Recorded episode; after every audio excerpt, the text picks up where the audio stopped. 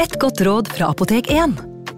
Nå er snart pollensesongen i gang, og et godt råd til deg som sliter med pollenallergi, er å begynne behandlingen i god tid før allergisesongen starter.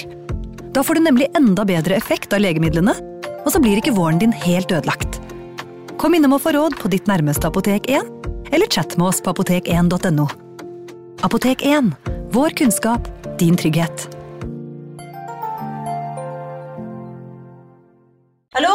Jeg kommer fra Oslo politikammer. Ine Jansen er purk. Er du purk? The motherfucking bitch. Alt jeg vil, er å finne ut hva som skjedde med mannen min. Jon Carew. Er jeg sikta for noe? Iben Akeli. Det er du. Ole So, Lars Berrum og Big Daddy Karsten. Hvem sin side er du på, egentlig? Anette Hoff, Tone Danielsen, Kommer du fra Afrika? Jørnis Josef, Nesten kløfta. Trond Espen Seim, Det er synd å si det, men det var feil mann som døde. Purk. Premiere tirsdag på TV2 Play. Ungsamtalen fra DNB er økonomisk veiledning tilpasset deg som er ung. Bokk en ungsamtale på dnb.no. slash ung. Det er kjempebra hvis du skal inn på boligmarkedet, hvis det er drømmen din, liksom. Det er det du skulle sagt. Og så kunne du ropt litt mer, da, sånn som jeg gjorde. Bam! Advarsel. Denne podkasten inneholder skildringer av ekte drap og kriminalsaker som kan være støtende for enkelte. Det advares også mot sterke inntrykk i deler av episoden. Tenk deg tilbake til verdensutstillingen i Chicago 1893. Du og din kone skal se på ny arkitektur. Et helt bykvartal opplyst av elektrisk lys og kunstinstallasjoner du ikke engang kunne drømt om. Dere sjekker inn på et hotell, hvor en høflig mann viser dere til rommet. Hotellet er stort og flott, det har både restaurant og en liten suvenirbutikk. Du blir overrasket over at rommet dere har bestilt, ikke har et eneste vindu. Likevel tenker du kanskje at det ikke betyr noe. Dere skal jo ikke være så mye på hotellrommet nå som verdensutstillingen er i gang. Når dere legger dere på kvelden, skal det bli siste gang du lukker øynene. Dere skal dø. Din kone skal tortureres. Den hyggelige resepsjonisten er nemlig en seriemorder, så ekstrem at ingen noensinne har kunnet sammenlignes med han. Han er HH Holmes. Velkommen til True Crime Podden.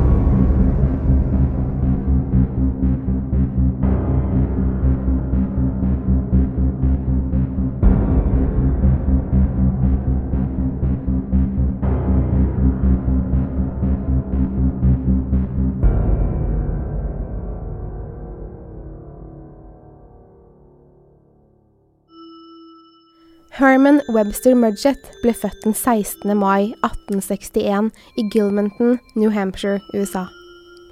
Han var nest yngst av fire barn. Utad virket familien Webster Mudgett som en hyggelig familie, selv om faren Levi var veldig streng. Hermans mor, Page, var en vakker kvinne som syntes det var viktig å holde en plettfri fasade. Hun passet på at barna hadde rene klær, var høflige og ikke bråkte eller var i veien for de voksne, akkurat slik barn skulle være på den tiden. Hermans foreldre var metodister og brukte mye tid i kirken. Dessverre var ikke familien Webster Mudgett like lykkelige bak lukkede dører. Som så mange andre seriemordere var også Hermans barndom preget av vold og mishandel. Hermans far Levi var meget alkoholisert og brukte mye penger på brennevin. Levi ble voldelig når han drakk, og slo kona Page og barna rett som det var. Levi var en mobber, en skikkelig bølle. Han gjorde narr av barna sine, hermet etter dem hvis de gråt, og kastet ting etter dem. Noen ganger sultet han barna som straff for noe han mente de hadde gjort feil mens han selv spiste seg god og mett foran dem. Ofte vekket han dem midt på natten og skrek på dem uten grunn. Hermans mor Page var ikke voldelig, men følelsesmessig fraværende. Hun ga aldri barna sine en klem eller skryt eller trygghet slik en mor skal gjøre. Hun sultet barna sine, ikke på mat, men på kjærlighet. Page var kald mot barna, som så sårt trengte en trygg voksen i livet sitt. Hun distanserte seg fra dem, særlig om de gråt eller var redde. Derfor passet søsknene på hverandre og ga hverandre den omsorgen og tryggheten de ikke fikk fra foreldrene. Herman pleide å gjemme seg i skogen hver gang faren var full. I skogen kunne han være alene med tankene sine, og enda bedre, være seg selv. Han elsket å vandre rundt, finne nye stier og steder han ikke hadde sett før. Det var mange forskjellige dyr og fugler i skogen, og Herman ble veldig fascinert. Nå tenker du kanskje at Herman syntes dyrene var spennende å se på, men det var ikke derfor han lot seg fascinere av dyrene. Herman lurte nemlig på hvordan de så ut inni. Han lurte på hvordan blodet rant inni de små kroppene, og hvordan hjernene og hjertene så ut. En dag tok Herman med seg en sprettert og en kniv han tyvlånte fra faren, og bestemte seg for å se litt nærmere på dyrene i skogen. Han begynte smått med fugler og mus, deretter ekorn. Han skar dem opp og undersøkte dyrene innenfra. Interessen for anatomi var vekket. Ikke bare dyrenes anatomi, men også menneskers. Til tross for problemene innad i familien, var Hermans foreldre arbeidsomme mennesker og hadde relativt god råd. De tilhørte middelklassen, og Herman fikk derfor gå på fine skoler. Han var veldig smart, og foreldrene så en lysende fremtid for gutten. Herman fikk gode karakterer fra første stund, og gjorde seg bemerket som en høflig, sjarmerende og intelligent gutt som lærerne også trodde skulle nå langt i livet. De fikk for så vidt rett, men ikke på den måten de kanskje hadde trodd at Herman skulle ende opp. Herman ble dessverre mobbet av klassekameratene sine, dels fordi han var uvanlig skoleflink, og dels fordi han var redd for så mye. Guttene i klassen ertet Herman for så å si alt. En gang bestemte de seg for å lure han. De tok lille Herman med til skolens legekontor og utfordret han til å ta på et skjelett som lå på kontoret. Skjelettet lå under et klede på en undersøkelsesbenk, og da Herman skulle løfte opp kledet, lente han seg på benken, og skjelettet raste over Herman. Det ble raskt klart at det faktisk ikke var et skjelett, men en nylig avdød mann som lå under kledet. Alle fikk sjokk. Guttene hadde aldri sett en død mann før. Klassekameratene skrek og løp så fort de kunne ut av kontoret. Legen som eide kontoret, hørte alt oppstyret og hastet inn i undersøkelsesrommet. Liket lå tungt over lille Herman, som bare stirret forunderlig tilbake på det. Han virket ikke redd, bare nysgjerrig. Legen fikk ham løs og spurte om det gikk bra med gutten. Herman sa at han ikke ble redd, han syntes det var spennende. Han hadde så mange spørsmål, og legen forsøkte å forklare som best han kunne om liv og død. Det var noe merkelig med Herman. Han hadde ikke bare en stor interesse for døden, han var nærmest besatt av den. Det finnes en del rykter om at Herman drepte sitt første offer da han bare var seks år gammel. Herman nevnte episoden selv i avhør, men politiet fant aldri noen bevis for at drapet fant sted. Siden akkurat den episoden ikke er bevist, og fordi det finnes flere versjoner av den som ikke lar seg bekrefte, lar vi den ligge. Men det er faktisk en annen episode som er bedre dokumentert, nemlig da Herman skal ha drept bestekameraten sin som tolvåring. Der Herman vokste opp i New Hampshire, var aktiviteten for å utvide byen stor. Flere bygninger ble oppført samtidig. En dag tok Herman og bestekameraten seg inn i en uferdig bygning, og det var her det skulle gå galt. Ingen annen enn Herman vet hva som egentlig skjedde. Guttene var i alle fall i bygningens andre etasje da Hermans bestekamerat plutselig falt ut av et vindu og ned på steinene i gaten. Hodet hans knuste. Blod og hjernemasse rant utover brosteinene.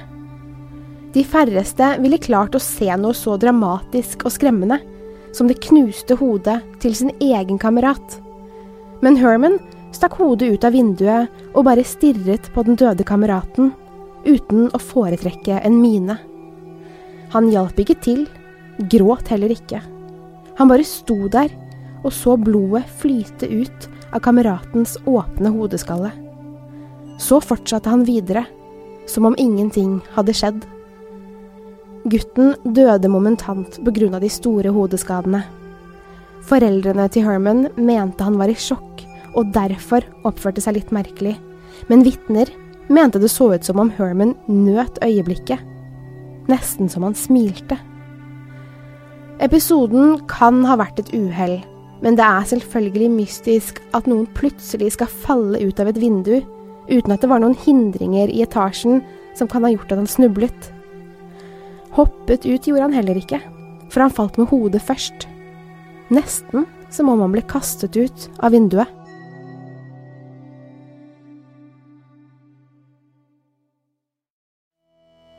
Fascinasjonen for døde fortsatte, og interessen for anatomi ble forsterket av hendelsen i undersøkelsesrommet hos skolelegen i barndommen og av bestekameratens død. Det var faktisk slik Herman ble interessert i medisin, i tillegg til døden. Han ble nesten besatt av menneskekroppen og hva som skjedde med blodet, musklene og innvollene når noen døde. Etter hvert som Herman ble eldre, fikk han gå i lære hos en lege. Han bestemte seg også for å bli lege selv. Imens Herman søkte på forskjellige medisinstudier, traff Herman en søt, ung jente, Clara, som han lot seg fascinere av. Hun var pen og snill, men det var ikke derfor Herman likte henne. Clara var rik, og hun skulle arve en stor sum penger. Herman likte penger og luksus, og fridde til den søte unge jenta. De giftet seg i 1878, og Herman jobbet derfor noen år som foreleser etter high school. I 1880 kom sønnen deres Robert til verden. Som 18-åring kom Herman inn på medisinstudiet i Vermont. Etter bare et år på skolen sluttet han, og bestemte seg heller for å flytte studiene til universitetet i Michigan. Herman studerte medisin der i flere år, og viste stor interesse for studiene. Nesten litt for stor interesse, særlig i anatomitimene, hvor de dissekerte menneskelik. Det sies at Herman begynte å drepe for alvor på college.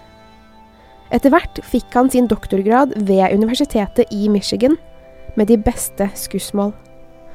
Herman var uvanlig intelligent og forventet at han skulle tjene store penger gjennom legeyrket. Herman flyttet mye rundt etter studiene og vendte aldri tilbake til kona Clara. I starten av karrieren, som de fleste medisinstudenter sikkert vet, tar det tid å få en god jobb hvis man ikke har noe særlig jobberfaring. Selv om dette var på sent 1800-tall, var likevel standardene for ansettelsene høye, og Herman hadde ikke tid til å vente på at en jobb skulle komme til han. Han tok småjobber på forskjellige legekontor, og begynte å svindle både kolleger og pasienter for store summer penger. Selv om Herman fortsatt var gift med Clara, giftet han seg på nytt flere ganger og fikk barn. Men Herman, som da hadde byttet navn til HH Holmes, var ikke fornøyd med familiesituasjonen. Han var en kjekk, ung mann med mye sjarm, og begynte etter hvert å bruke sine svindelmetoder på rike kvinner. Han forførte dem, og om de var gift, forsvant ektemennene deres på mystisk vis. Han fikk så kvinnene til å gi ham penger, og noen av dem til å gjøre han til mottaker av forsikringspengene på livsforsikringen. Deretter døde eller forsvant også kvinnene, merkverdig nok. Han lurte seg til både forretninger, eiendommer og store summer kontanter med denne metoden. Man skulle kanskje tro at H.H. Holmes ville bli avslørt og arrestert, men han var smart og brukte forskjellige navn og identiteter, f.eks. fra avdøde mennesker, som gjorde det umulig å spore han opp. Her er noen av navnene han brukte.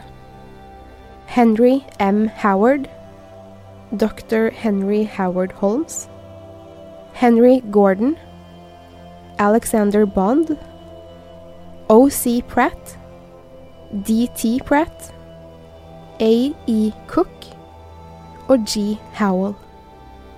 I 1886 flyttet H.H. Holmes til Chicago. Han tok jobb på et apotek og fikk tilgang til masse medikamenter som følge av jobben. En middelaldrende kvinne, Elizabeth Holton, eide apoteket og var veldig imponert av den arbeidsomme, høflige og intelligente mannen som jobbet for henne. Holmes fikk etter hvert mer og mer ansvar, og det virket som om Mrs. Holton likte Holmes mer enn bare som en ansatt. Holmes, han utnyttet dette, men Mrs. Holton var fremdeles gift med en mann som var mye eldre enn henne selv. Mr. Holton, som er beskrevet som en bitter og sint gammel mann, flyttet til vestkysten en dag, helt uten forvarsel. Han la igjen et brev til sin kone, ikke noe mer. I brevet ba han henne reise etter ham og selge apoteket og huset til ingen annen enn H.H. Holmes. Mrs. Holton visste ikke helt hva hun skulle gjøre, og valgte å bli i Chicago en liten stund til. I mellomtiden begynte kassebeholdningen i apoteket å minske. Mrs. Holton fikk mistanker om at Holmes tok penger fra kassen og anmeldte ham til politiet for svindel. Før politiet rakk å arrestere Holmes, flyttet Mrs. Holton på mystisk vis til vestkysten hun også, og la inn et brev til politiet hvor hun trakk anmeldelsen og lot Holmes overta apoteket, huset og en bygning hun eide. Man vet ikke om Holmes drepte de to, men ingen så ekteparet Holten i live igjen.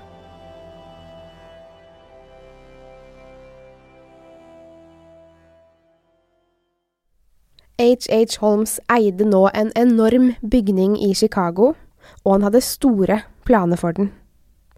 Han satte i gang flere prosjekter for å gjøre om bygningen til et hotell som han ønsket skulle stå ferdig til verdensutstillingen som skulle holdes i Chicago i 1893. Han leide et antall forskjellige bygningsfirmaer som fikk jobbe i hver sin del av bygget. Det var for at ingen skulle fatte mistanke om det uvanlige hotellet han utformet, og hva det i realiteten skulle brukes til. Hver gang noen stilte spørsmål om utformelsen, fikk de sparken, gjerne også uten betaling. Hemmelige ganger, hemmelige rom, luker i tak og vegger, kikkehull, rør inn til rommene og dører som førte til f.eks. en murvegg. Hotellet som ble bygget, hørtes ikke ut som et hotell man ønsker å bo på.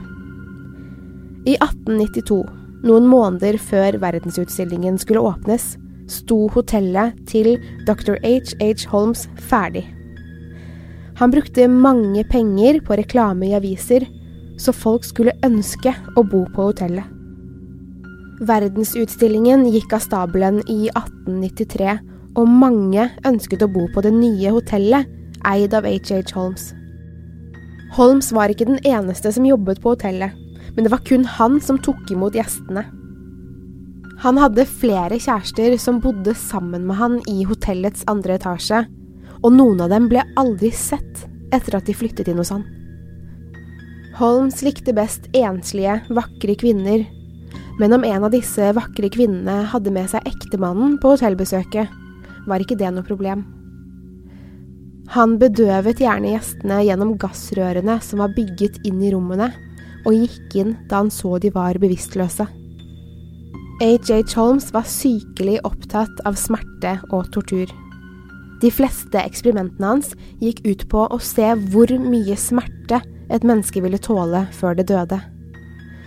Torturen pågikk i lange perioder, og siden alle hotellrommene var lydtette, var det ingen av de ansatte som hørte de desperate skrikene. Så vidt vi vet. Det finnes i alle fall ikke rapporter som tilsier at noen skal ha hørt mennesker skrike fra noen av rommene i det skremmende hotellet. H.H. Holmes fjernet huden til de levende ofrene, bit etter bit, uten bedøvelse. De kunne ligge slik, uten hud og muskler i dagevis, kanskje til og med måneder, før de døde, avhengig av hvor skadde de var. Noen av dem sultet han, andre injiserte han med syre, f.eks. i hjernen, for å se hvordan de reagerte. Han klemte også på nerver til ofrene for å finne ut hvilke nerver som trigget størst smerte. Han slo dem under føttene med trestokker for å se om de kunne gå etterpå. Han rev armer og ben av dem, kappet av ører, nese og fingre. Andre forgiftet han. Etter at ofrene døde, solgte han skjelettene deres, både hele og delvise, til universiteter og forskningsinstitusjoner for store penger. H.H. Holmes tjente gode penger på skjelettene, og klarte å holde liv i tortureringsvirksomheten sin i fire år, før han endelig ble arrestert. Holmes hadde da drept venner, businesspartnere, hotellgjester og kjærester. Han hadde vært en mester i å skjule drapene gjennom sjaktene i hotellet som førte likene til kjelleren.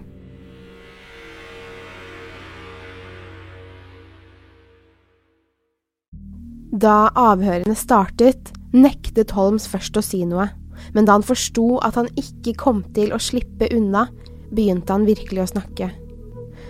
Han fortalte om alt han hadde gjort, og hvordan han torturerte ofrene sine som om han var stolt av det han hadde gjort. I avhør innrømmet Holmes hele 27 drap, men politiet kunne dessverre bare bevise ni av dem. Likevel kan H.H. Holmes ha drept flere enn 200 mennesker, men dette ser ikke ut til å kunne bevises. Hvis man tenker over det H.H. Holmes startet trolig drepingen som tolvåring og fortsatte sannsynligvis gjennom hele college. For ikke snakke om alle bekjentskapene hans som bare forsvant, eller flyttet til en annen kant av landet. I og med at han holdt hotellet gående i fire år, kan tallene kanskje komme opp i mer enn 200. Likevel, dette er kun spekulasjoner. Holmes ble bare dømt for ni av drapene. Fordømt, det ble han til døden ved henging. Den 7. mai 1896, bare noen dager før sin 36-årsdag, ble H.H. Holmes henrettet i Moyamensing fengsel i Philadelphia. Flere hundre mennesker kom for å se på hengingen av H.H. Holmes. Han virket helt rolig, nesten upåvirket av det som skulle skje. Som om det var en helt vanlig dag. Vanligvis pleier dødsdømte fanger å vise tegn på anger, redsel, depresjon og desperasjon før de skal henrettes, men ikke Holmes. Hans siste ønske var likevel at kisten hans skulle forsegles og dekkes med sement, og at han skulle begraves flere meter under bakken. Han var nemlig redd for gravrøvere. Hengingen av Holmes gikk ikke for seg slik som henginger egentlig skal. Hensikten med henging er at offeret besvimer eller dør relativt fort, enten fordi andre og tredje nakkevirvel brekker, dette om løkken er plassert riktig, eller at blodtilførselen i de store blodårene i halsen strupes. I Holms sitt tilfelle, og i manges øyne en poetisk rettferdighet, brakk ikke nakken hans da luken falt. Holmes ble istedenfor kvalt i hjel, sakte. I nesten 15 minutter sprellet han i galgen, gispende etter luft. Ingen stoppet det. Etter å ha hengt der i ca. 20 minutter ble Holmes erklært død. Det gikk i mange, mange år rykter om at det ikke var H.H. Holmes som ble hengt den maidagen, og at den virkelige seriemorderen kom seg unna ved å rømme. Til og med hans tippoldebarn, som arvet noen av Holm sine dagbøker, mente at han klarte å rømme. Og vet du hvor legenden sier han rømte til? London. Det finnes flere teorier om at H.H. Holmes, Amerikas første og kanskje verste seriemorder, også var Jack the Ripper. Holmes skal nemlig ha rømt til London og fått en annen fange til å la seg henge istedenfor han selv. Det høres for godt ut til å være sant. At HH Holmes og Jack the Ripper er én og samme person, blir nesten litt voldsomt å påstå.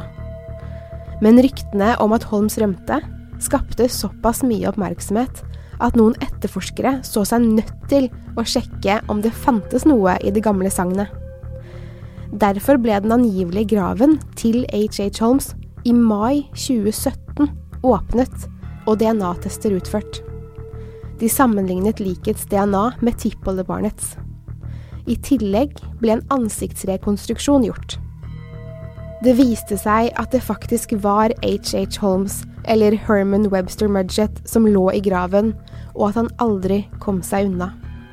H.H. Holmes ble hengt i mai 1896, og dessverre var han heller ikke Jack the Ripper. Det finnes likevel flere konspirasjonsteorier som sier at DNA-resultatene er manipulerte, og at de egentlig er samme person. Hva tror du? Selv om det er rimelig sikkert at H.H. Holmes faktisk ble hengt, får vi aldri vite hvor mange han drepte. Var det 27? Eller var det opp mot 200? Kanskje 2000? Ingen vet. Synes du kanskje denne historien virker kjent? H.H. Holmes sitt såkalte Murder Castle, eller Skrekkhotellet, er faktisk inspirasjon til en TV-serie jeg vet mange av dere ser på, American Horror Story, sesong fem, som foregår nettopp på et hotell.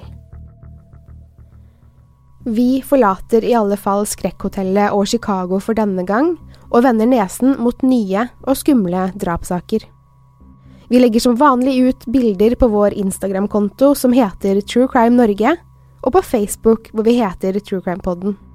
Om du har tips, spørsmål eller kommentarer, mailer du oss som vanlig på post at truecrimenorge.no. Til neste gang, pass på hverandre, og takk for at du har hørt på True Crime Podden.